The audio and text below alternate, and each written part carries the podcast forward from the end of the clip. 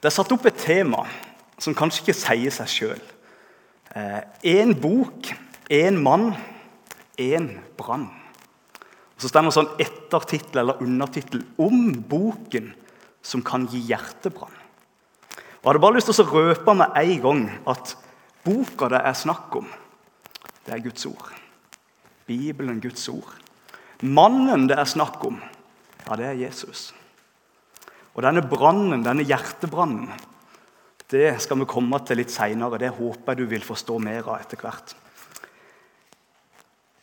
Men når det gjelder Bibelen og ikke minst Jesus, og, og disse tingene her, så er det utrolig mange ting som vi kunne tatt for oss. Men i kveld så tenker jeg at vi skal ta ei vandring. Ei bibelvandring. Og Denne bibelvandringa skal foregå i en tekst, eller gjennom en tekst som jeg personlig er veldig glad i. Og Det er Lukas kapittel 24 og teksten om det som ofte blir kalt for Emmaus-vandreren. I Lukas 24 så møter vi to personer som i utgangspunktet var både nedtrykt og deppa. Alt var på en måte håpløst. Men i møte med Jesus så ble tingene snudd på hodet. I møte med Jesus så ble det nytt håp. Nytt liv, nytt pågangsmot. Når Bibelen åpenbarte seg. Når Jesus forklarte de Bibelen. Og så håper jeg at det kunne bli sånn for meg og deg òg i kveld. Så vi hørte her viktigheten av Guds ord. Og jeg tenker Vi må be om at Bibelen må åpenbare seg for oss. At vi må få leselyst, og ikke minst at vi må forstå det vi skal lese. Skal vi be nå før vi leser teksten? Herre Jesus, takk for nok en dag. Takk for at din nåde er ny òg i dag. Takk for at du er her, Jesus. Takk for at du er knytta sterke løfter til der to og tre er samla i ditt navn. Og så ser du det du har lagt på hjertet mitt, Jesus. Jeg ber om at du må gi meg å tale som ditt ord. Gi meg å tale sant og rett om deg. At det kan bli til formaning, oppbyggelse og trøst.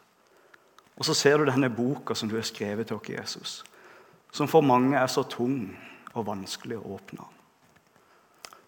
Kunne vi bare få et lite blikk i kveld, Jesus, i hva kraft du har gitt i ditt ord? At det er et levende ord, at vi kan få merke konkret i alle livets faser hvordan det blir når du blåser liv. Hvordan, hva som skjer, Jesus, når du åpenbarer ordet ditt for oss. Jesus, la meg få en nådestund med dine føtter. I Jesu navn. Nå skal vi lese fra Lukas 24, og det tror jeg vi får opp på skjermen her. Og så er det jo litt spennende med bibeloversettelse, da, så jeg håper det er samme oversettelse. Ellers så kan det sikkert bli litt forvirrende. Så Da får du velge da, om du vil høre på meg eller skjer der? 88. Veldig bra. Da starter vi fra vers 13. Og se, to av dem, to av disiplene var samme dag på vei til en by som heter Emmaus, og ligger 60 stadier fra Jerusalem. Og de talte med hverandre om alt dette som var skjedd. Og det skjedde mens de samtalte og drøftet dette, kom Jesus selv nær til dem og slo følge med dem. Men øynene deres ble holdt igjen, så de ikke kjente ham. Han sa til dem, 'Hva er det dere går og samtaler om på veien?' De sto da stille og så bedrøvet opp. Den ene av dem, som heter Kleopas, sa til ham, 'Er du den eneste av dem som oppholder seg i Jerusalem?' Som ikke vet hva som er skjedd der i disse dagene. Han sa da til dem, 'Hva da?' De sa til ham, 'Det med Jesus fra Nasaret, en mann som var en profet, mektig i gjerning og ord for Gud og hele folket.' Og hvordan våre ypperste prester og rådsherrer overga ham til dødsdom og korsfestet ham.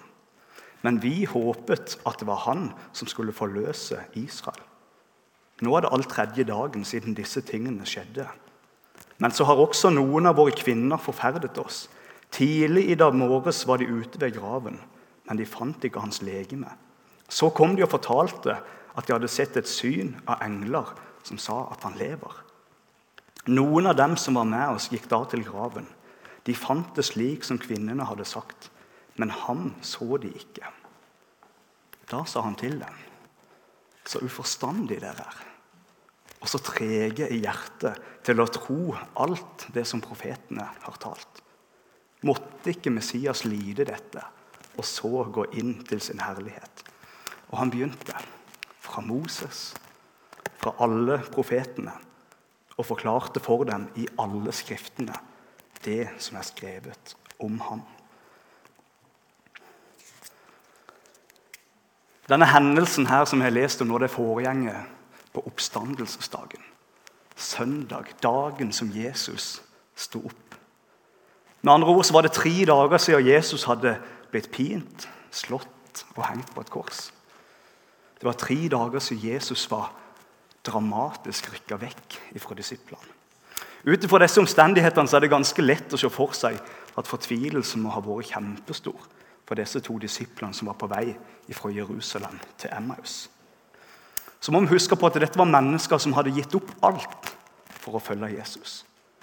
Hus, heim, familie, jobb, karriere, framtid og kanskje ikke minst dette med framtidstrygghet og sikkerhet. De hadde gitt opp alt for å følge Jesus. Og så opplevde de den store katastrofen. Jesus ble hengt på et kors, og så døde han. Så ble han lagt i ei grav, og siden så hadde de ikke hørt og sett noe mer til han. Var det forgjeves? Hadde de gitt opp sitt liv for å følge en mann som bare forsvant? Hva skulle nå skje? Tidligere samme dag så hadde riktignok noen, noen kvinner vært i Jesu grav og, og, funnet ut at grava var tom. Men Det stender sånn i vers 11 tidligere kapittel at apostlene syntes det var løst snakk. Og de trodde liksom ikke helt på det. Og så er det da denne dagen at disse to disiplene er på vei fra Jerusalem til Emmaus. Det sto at det var en avstand på 60 stadier. Og Det er det samme som ca. 11 km. Så det vil si at de hadde en gåtur framfor seg på to-tre timer. Du springer 11 km på en time hvis du er forholdsvis godt trent, men jeg vil tro det gikk på disse sandalene sine. To-tre timer. Og så det noe fint, eller så sto det noe interessant i vers 14. Der det sto at de talte med hverandre om alt dette som var skjedd. Jeg er sikker på at de hadde mye å preke om. Det hadde vært dramatikk i Jerusalem denne helga. Opptøyer og mange ting som hadde skjedd. Og Så gjenger de der langs veien og så samtaler de med hverandre om det som hadde skjedd. Og så står det at det skjedde mens de samtalte og drøftet dette. Da kom Jesus selv nær til dem og slo følge med dem. Jeg syns det er veldig fint. Jeg. Her går det to mennesker og er nedtrykt og fortvila. Så samtaler de med hverandre om Jesus. Og hva er det de opplever? Jesus kommer sjøl. Og så kommer han og gjenger sammen med dem. Og så har jeg lyst til å si, Der det blir samtalt om Jesus, vet du, der kommer han sjøl. Jeg er sikker på at du har opplevd det sjøl i ditt liv. Det har vært stengt og vanskelig. Så har du sittet i ditt lønnkammer. Kanskje du har sittet med familien din, foreldrene dine, søsken, ektefelle, venner. Så har du samtalt om Jesus bedt til Jesus, så merker du hvordan det skjer noe i rommet. Det skjer noe med hjertet, det skjer noe med sinnet. Blikket blir løfta. Så ser det ikke lenger så mørkt ut. For Jesus kom. Der det blir samtalt om Jesus, kommer han sjøl er til stede. Men så fortsetter dette, for det, det er en litt merkelig historie. Som så mye annet i Bibelen. Der står mye merkelig. Mye som du tenker Hva i alle dager? Nå vet du.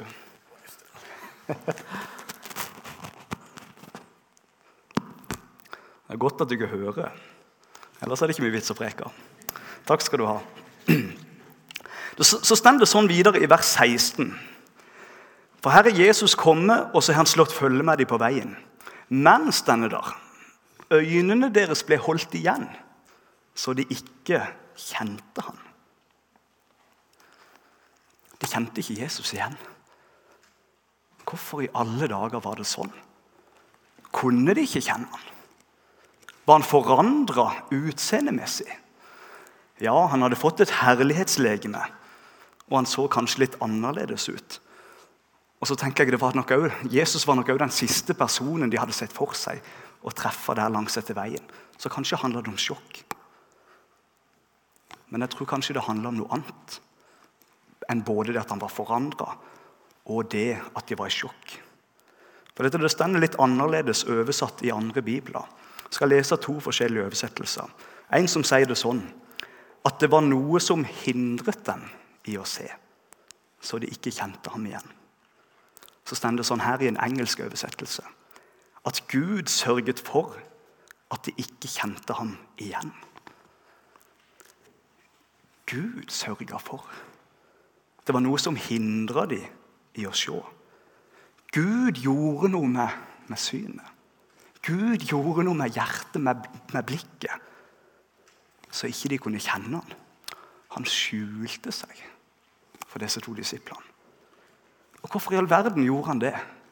Det måtte jo vært bedre om han åpenbarte seg for dem med en eneste gang. Jo fortere, jo bedre, liksom. Men han skjulte seg. Og jeg synes det er litt interessant, for jeg tror det er en spesiell grunn for at han skjulte seg. Han ønska å lære dem noe. Han ville ikke bare gi dem en synlig og følbar opplevelse der langs etter veien. Men vet du hva han ville?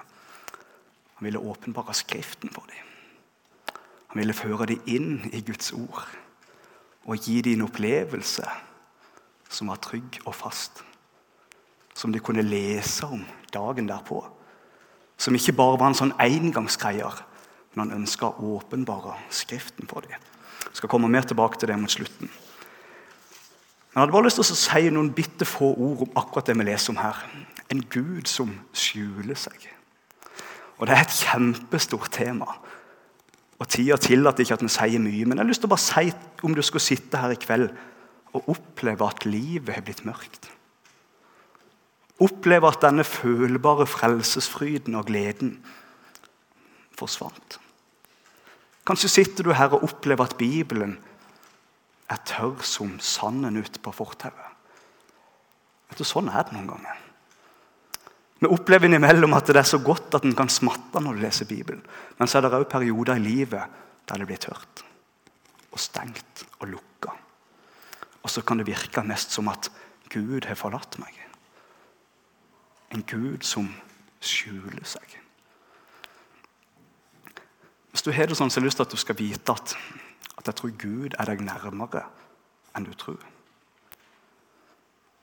Han sier sånn i Salme 91, 15 at 'jeg er med ham i nøden', og 'jeg vil fri ham ut og ære ham'.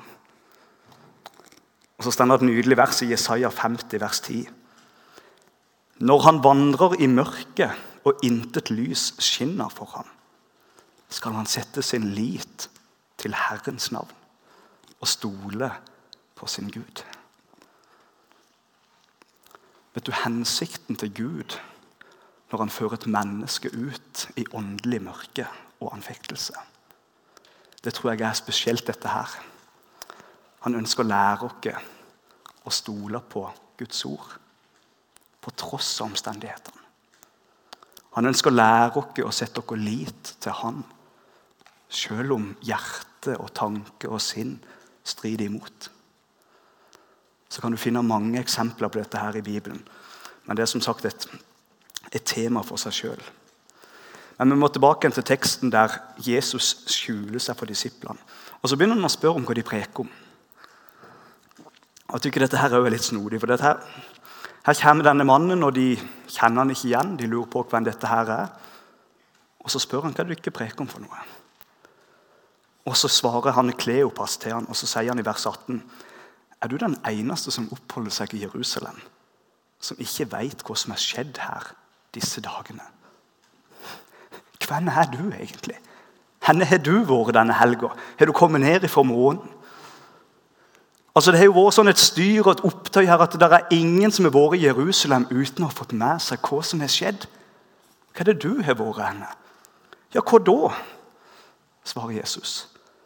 Jo, dette med Jesus fra Nasaret forteller de videre. En mann som var en profet, mektig i gjerning og ord for Gud og hele folket.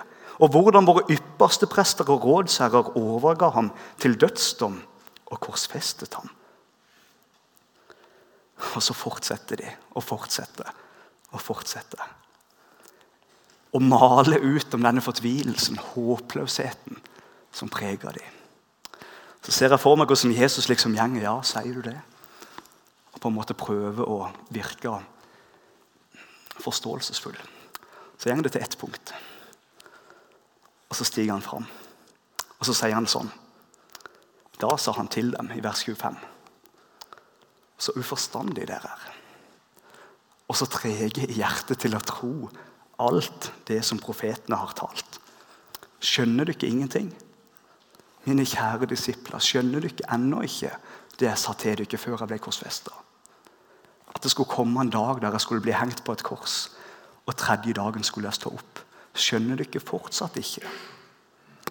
Så trege i hjertet dere er til å tro. Måtte ikke Messias lide dette, og så gå inn til sin herlighet? Så kommer det et flott vers der det står at han begynte fra Moses, fra alle profetene, og forklarte for dem i alle skriftene det som er skrevet om ham. Jesus holder bibeltime, der temaet er Kristus i Det gamle testamentet. Jesus i GT. Du som går på bibelskole her, eller kanskje studert teologi, har kanskje hatt et, sånn et, et fag som heter Jesus i GT, eller Kristus i GT. Jeg går to år på bildet sjøl, og jeg kan minnes at det var et veldig spennende fag. Da hadde vi en lærer som heter Edvard Foss, en legende på Bildøy. Han er der dessverre ikke nå lenger. Men han hadde dette faget for oss Jesus i Det gamle testamentet. Og det var flott. Men jeg skal, jeg skal komme med en innrømmelse. Hvis det var en, en, plass jeg skulle ønske at jeg kunne vært til stede, så er det på veien fra Jerusalem til Emmaus for 2000 år siden. Når Jesus holder bibeltime for disse to disiplene, der han begynte ifra Moses og alle profetene og alle skriftene, så forklarte han alt som sto skrevet om han. Husk på det han refsa fariseerne når han sa at hvis dere trodde Moses og Fariseerne hevda høyt og tydelig at ja, men vi er jo Moses sine barn, vi er Abraham sine barn. Så sier Jesus til dem hvis du ikke trodde Moses, da hadde du ikke også trodd meg. For det er meg han har skrevet om. Vet du at du finner Jesus i hele Det gamle testamentet?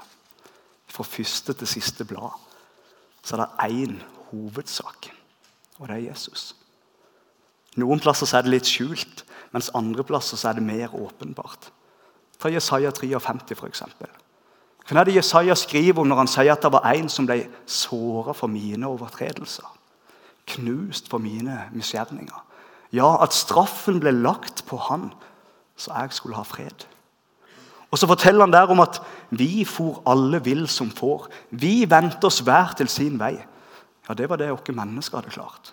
Men Gud lot den skyld ramme ham. Husk på at dette ble skrevet 700 år før Jesus hang på korset. Det er ganske stort å tenke på. Det er lett å tenke når vi leser Bibelen, at det er én forfatter fra ende til annen. og På en måte så er det jo det, for det er Gud som er skrevet. Men Jesaja for eksempel, er skrevet 700 år før Golgata så er det skrevet i presens, som om Jesaja sitter med korsets fot og ser opp på han som hang der. Jeg tykker det er fantastisk. I denne sammenhengen Når vi snakker om Jesus i Det gamle testamentet, så hadde jeg lyst til å ta fram to sånne små eksempler fra Det gamle testamentet. Vi kunne ta i mye mer, for her er det mye stoff. Men jeg har lyst til å ta fram spesielt to små ting som jeg tykker er spennende. Om dette var noe som Jesus var innom der på vei til Emmaus, det, det vet vi ikke. Kanskje vi kan spørre han en dag. Men i første Mosebok kapittel 3 så leser du om syndefallet. Og den, denne konsekvensen som synder, synder til Adam og Eva fikk. Det er faktisk derfor døden er blitt en realitet. Det er derfor vi sliter med sykdom. Det er derfor det er så mye nød og lidelse i verden. Fordi at det var ett menneske som synda. Og det ble brudd og det ble avstand mellom Gud og menneskene. Men det skjedde flere ting. Det var ikke bare i menneskets relasjon til Gud at det ble forandring. Bibelen sier òg at det skjedde ting med skaperverket. Vi skal ta oss og lese i 1. Mosebok 3, og vers 17 og 18.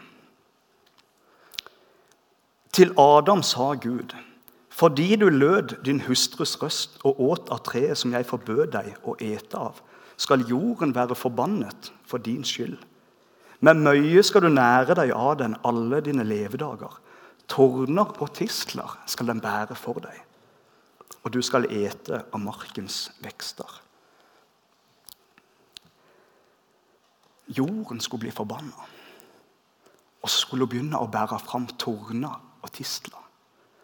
Og Da kan vi på en måte trekke en sånn enkel konklusjon og si at før syndefallet så fantes det ikke torner og tistler. Så skjedde det et fall, så begynte det å spire fram. Og Da kan, kan det jo være at jeg trekker den litt langt, men kan vi kalle torner og tistler som et slags symbol på at det skjedde et syndefall? Et slags symbol på synda? Jeg har lyst til å bruke et bilde i forhold til den tingen der. For Bibelen snakker mer om torna tistler. Det er ikke bare her i 1. Mosebok 3 du leser om torna og tisla. Og Det er da det blir litt spennende, når dette blir holdt fram på en måte som et, som et slags symbol. Neste gang du leser om torna og tisla i Bibelen, vet du hva det er? henne? Da må du ei Mosebok lenger fram. Da kommer du til andre Mosebok, kapittel 3. Og Der leser du historien om når Moses er ute og gjeter sau i ørkenen med Guds berg. Og Mens han gjeter disse sauene, så får han se en tornebusk som står i fyr. Du har helt sikkert hørt om den historien. Vi skal ta og lese noen vers der òg, fra vers 2 i kapittel 3. Der det står sånn at der i ørkenen åpenbarte Herrens engel seg for ham i en flammende ild, midt ut av en tårnebusk. Han så opp og se. Tårnebusken sto i lys lue men tårnebusken brant ikke opp. Moses sa, 'Jeg vil gå bort og se dette underfulle syn', at tårnebusken ikke brenner opp. Da Herren så at han kom bort for å se, ropte Gud til han midt ut av tårnebusken og sa, 'Moses, Moses.' Og han svarte, 'Her er jeg.' Da sa han, 'Kom ikke nærmere. Dra dine sko av føttene.' For det stedet du står på, er hellig grunn. Så sa han, 'Jeg er din fars Gud, Abrahams Gud, Isaks Gud og Jakobs Gud.' Da skjulte Moses sitt ansikt, for han fryktet for å se Gud.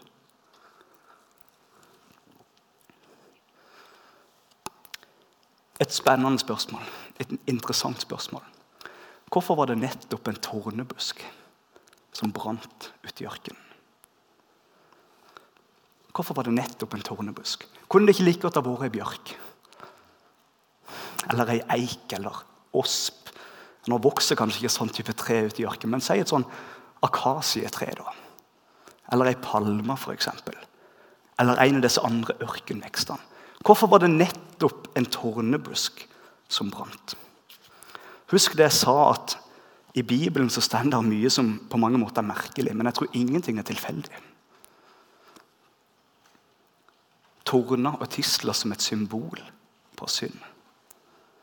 Og så møter vi her ute i ørkenen en tornebusk som står i brann. Og så las vi at tornebusken brant ikke opp. Og så kan vi jo tenke som så at det var forferdelig rart. Det er jo naturstridig. Det er jo et stort under. Hvordan kan det gå an at en busk kan brenne, men han brenner ikke opp? Ja, så leser vi at Gud har tatt bolig, og, så videre, og busken brenner likevel ikke opp.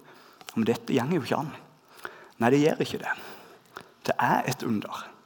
Men jeg tror det er mer. Jeg tror vi kanskje får et forbilde når vi leser om den brennende tornebusken på det som skulle skje 2000 år lenger fram i tid. Når Gud med sin ånd skulle ta bolig i oss mennesker, som i utgangspunktet er full i synd. Og det store under skjer. Mennesket brenner ikke opp. Én ting er at det var naturstridig at denne tornebusken brant. Men tror vi får et forbilde på det som skulle skje på Golgata. Og grunnen til at vi mennesker kan ha med Gud å gjøre uten å gå i oppløsning. Der Gud lot sin sønn henge på et kors etter at han hadde oppfylt loven etter at han hadde levd det livet som vi ikke kunne klare å gjøre. Og så blir all synd lagt på ham. Så dør han, så betaler han. Så fant han en fullkommen rettferdighet. Og så sier Romane 3 at denne rettferdigheten kan bli min og din rettferdighet. Romerne 4, unnskyld. Moses trodde Gud, og denne trua regna Gud som rettferdighet. Moses fikk, eller Abraham, unnskyld, Abraham fikk Jesus sin rettferdighet tilregna sin. Du som er en kristen, du som tror på Jesus, vet du, du har fått Jesus sin rettferdighet tilregna som din. Romerne 8,4 sier det sånn at lovens krav om rettferdighet er oppfylt i oss, vi som tror. Vi som ikke lever etter kjødet, men etter ånden. Lovens krav om rettferdighet er oppfylt. Ikke av meg eller ved meg, men i meg. Fordi at Jesus bor i meg. Hans rettferdighet er blitt min rettferdighet. Derfor kan Gud si i Romerne 8, vers 1 at det er ingen fordømmelse for den som er i Kristus Jesus. Hvorfor kan han si det? Jo, for du som tror, har oppfylt lovens krav. Og Da har ikke lenger Gud og loven rett til å dømme. Det er så fantastisk at vi aner det ikke. Men jeg tror allikevel at her i denne tornebusken i ørkenen så får vi et forbilde for det som skulle skje der framme. Og Det er litt stilig å tenke på. 2000 år før det skjedde, så tegner Gud et bilde ute i ørkenen. En liten ting til. Tror du det var tilfeldig at det var nettopp ei tornekrone Jesus fikk på hodet sitt? Igjen så kan vi bruke fornuften og tenke som så at ja, det var jo effektivt med ei tornekrone. Det hadde ikke vært like effektivt med disse her, ja, blomstene, kransene, som liksom fletter nå på denne tida. Jeg har aldri klart å fenge til det der, men det hadde ikke vært det samme liksom, å hatt en sånn en på hodet. Det hadde ikke gjort vondt på samme måte. Men var det tilfeldig at det var nettopp ei tornekrone? Dette symbolet på at det hadde skjedd et syndefall. At Jesus tok symbolet på synda med seg på korset. Og så betalte han. Så døde han for oss, i stedet for oss. I mi og ditt sted. Jeg tror ikke det var tilfeldig. Men Jesus holder bibeltime for disiplene. Og Da er det jo litt sånn der interessant da, i forhold til dette med Guds ord. og Nå beveger jeg meg på en måte inn mot dette siste punktet, dette her med hjertebrann. og Denne, denne brannen som jeg sa vi skulle komme tilbake til. For det, Hva er det som skjer med disiplene etter Jesus har holdt bibeltime for dem? Jeg Hør nå hva som står her. Da står det sånn videre fra vers 28. Og Da har det gjengen sånn to-tre timers tid, og så står det sånn Da de nærmet seg landsbyen som de var på vei til, lot Jesus som om han ville gå videre. Men de nødde ham og sa, 'Bli hos oss, for det lir mot kveld, og dagen heller.' Han gikk da inn for å bli hos dem. Og det skjedde da han satt til bords med dem. Da tok han brødet, ba velsignelsesbønnen, brøt det og ga dem. Da ble øynene deres åpnet, og de kjente ham. Så ble han usynlig for dem. Og de sa til hverandre.: Brant ikke vårt hjerte i oss da han talte til oss på veien og åpnet Skriftene for oss? Og de tok av sted i samme stund og vendte tilbake til Jerusalem. De fant der de elleve samlet, og de som var med dem. Og disse sa, 'Herren er virkelig blitt reist opp og er blitt sett av Simon.' De to fortalte da hva som hadde hendt på veien, og hvordan de hadde kjent ham igjen da han brøt brødet. De hadde kommet fram til Emmaus, og så, og så lot Jesus som om han skulle gå videre. Merkelige greier. Men de nødda. Nei, du må ikke gå videre, du må komme inn til oss. Vi vil så gjerne høre mer. Ok, Jesus blir med inn, og så blir plutselig rollene snudd. Så setter Jesus seg i verten set, sitt sete. Og så sto det at han tok et brød, brøt brødet og ba velsignelsesbønner.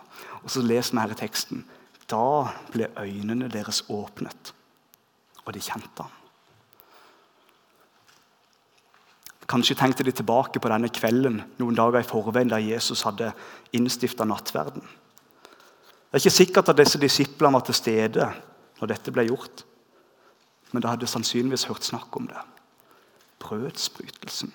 Dette minnemåltid for å minnes Herrens død. Og så åpna Jesus de sine øyne, og så tok det fyr i hjertet. Og så sier de dette her. Brant ikke vårt hjerte i oss da han talte til oss på veien og åpnet Skriften for oss? De fikk hjertebrann. Vitnetrang. Og hva ble resultatet av det?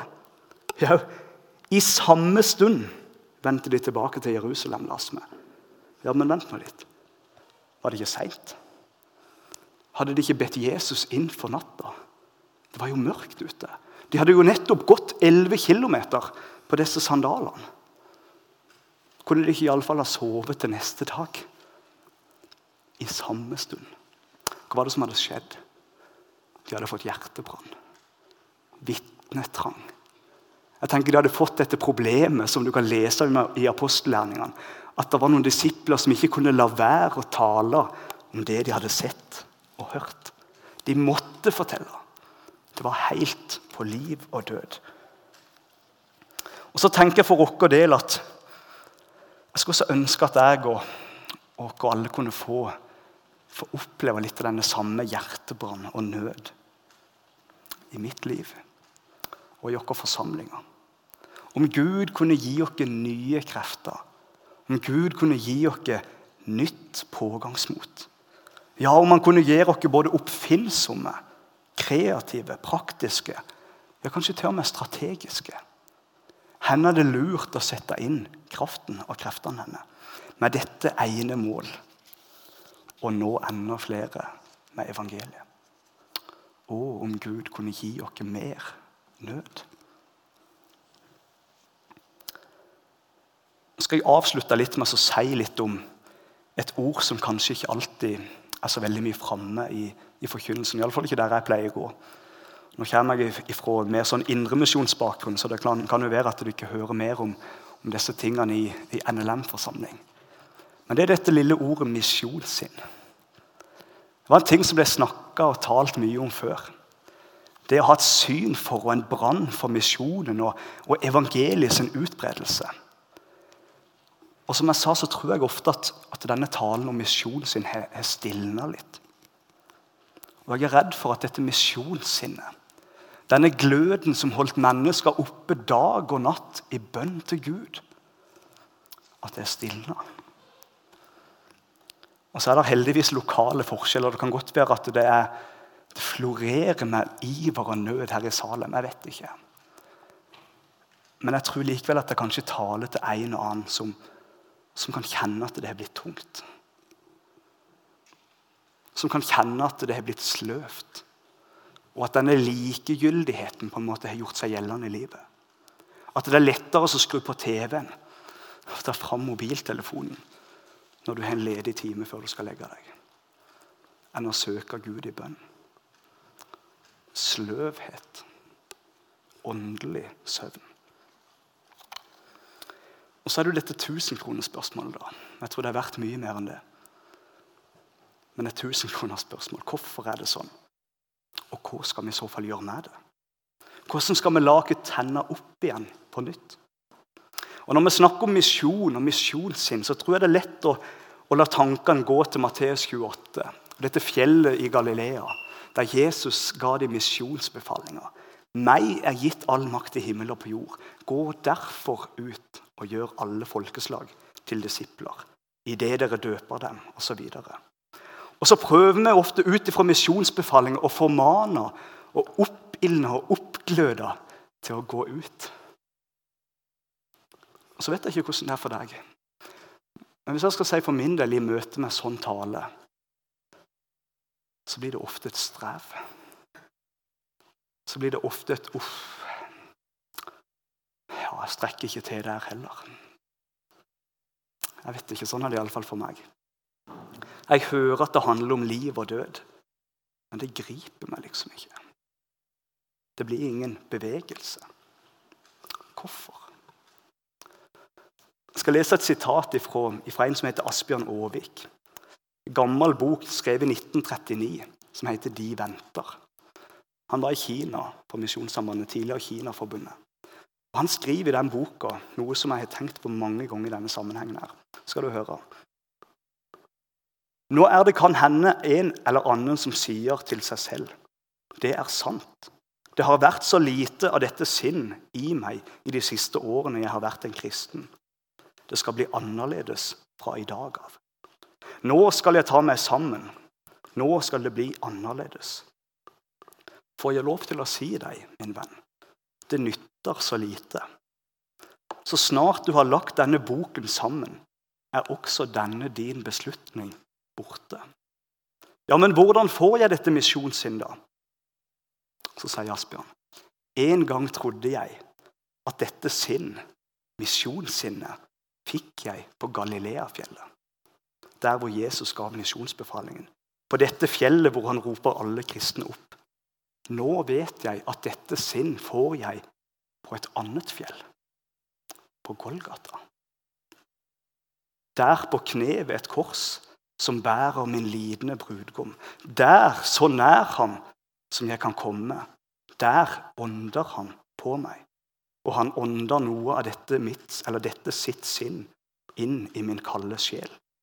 Da er misjonssinnet en gave, ikke en prestasjon. Og jeg får det på nytt og på nytt ved å hver dag krype inn til korsets fot. Misjonssinnet skapes på Golgata, sa Asbjørn Håvik. Ikke på Galileafjellet, der misjonsbefalinga lød, men på Golgata. Og Da skulle vi kanskje heller stille det spørsmålet. Er det lenge siden du var på Golgata? Er det lenge siden du åpna din bibel og las og beundra han som hang der på korset i stedet for deg? Han som smakte døden og syndens straff for din skyld. Er det lenge siden du har blitt stille for dette her, at, at han satte livet sitt til? Og ikke bare det, men det var frivillig. Det er ingen som tok mitt liv, sier Jesus i Johannes 10. Men jeg satte det til. Ja, på Golgata blir Guds kjærlighet konkret. Gud viser sin kjærlighet til oss ved at Kristus døde for oss mens vi ennå var syndere. Det er først og fremst på Golgata du får se hvor høyt du er elska. Men så er det én ting til du får se på Golgata. For det er òg der du får se alvoret i synda. Det er òg der du får se hvor stort og alvorlig det var når Eva tok denne frukten, ga til sin mann, og synda ble et faktum. Det er på korset Gud viser framfor noe annet sted at han ikke kunne se mellom fingrene når det gjaldt synda. For den måtte straffes med døden. Og vet du, Den straffen den lot han ramme sin sønn i stedet for meg og deg. Jesus døde i mitt sted. Hva er det som skjer med oss i møte med disse enorme sannhetene? Disse tingene som du egentlig Jeg er iallfall så lett for å tenke ja, men dette har jeg jo hørt før. Ja, men har vi skjønt det? Har vi skjønt hva det betyr? For Hva er det som skjer hvis du stopper litt opp og tenker over dette? her? For min del så kjenner jeg at det blir fylt med en sånn glede og takknemlighet til Gud. Er det sant? Var det for meg? Men parallelt med denne glede så kjenner jeg også på en, en gudsfrykt. En ærefrykt. En hellig frykt. Var det så alvorlig med synda mi, Gud, at du måtte dø? Så går denne glede og gudsfrykten parallelt. Og så stender et vers i 2. Korinterbrev 5, vers 11. Da vi nå kjenner frykten for Herren, ja, hva er det da som skjer? Hør nå. Da søker vi å vinne mennesker. Stemmer det? Da vi nå kjenner frykten for Herren, da søker vi å vinne mennesker. Bruk mye tid på Golgata. Bruk mye tid på å tenke og be over evangeliets rikdom, at det må bli åpenbart. Jeg tror det er det viktigste vi kan for å bli satt i brann på nytt. Jesus, takk for ditt ord. Takk at du lever. Takk at du er ikke langt borte, men du bor i vårt hjerte med din ånd. Og Jesus, jeg ber om at du må livne opp igjen ordet ditt. Du må tenne noe brann på nytt. La oss se, Herre Jesus, at det gjelder liv og død for mennesker som ikke kjenner deg. Jesus, hjelp oss å bruke muligheten. Hjelp oss å se det som trenger et ord, et vink, en hjelpende hånd ifra deg. Så ser du til forsamlingen her, Jesus. Jeg ber om at du må velsigne ledelse og alt som skjer. Velsigne flokken som er samla her i kveld. Jesus, om det er noen som ikke kjenner deg, så må du kalle oss spesielt på den enkelte. Så ber vi om din velsignelse over resten av kvelden. I Jesu navn.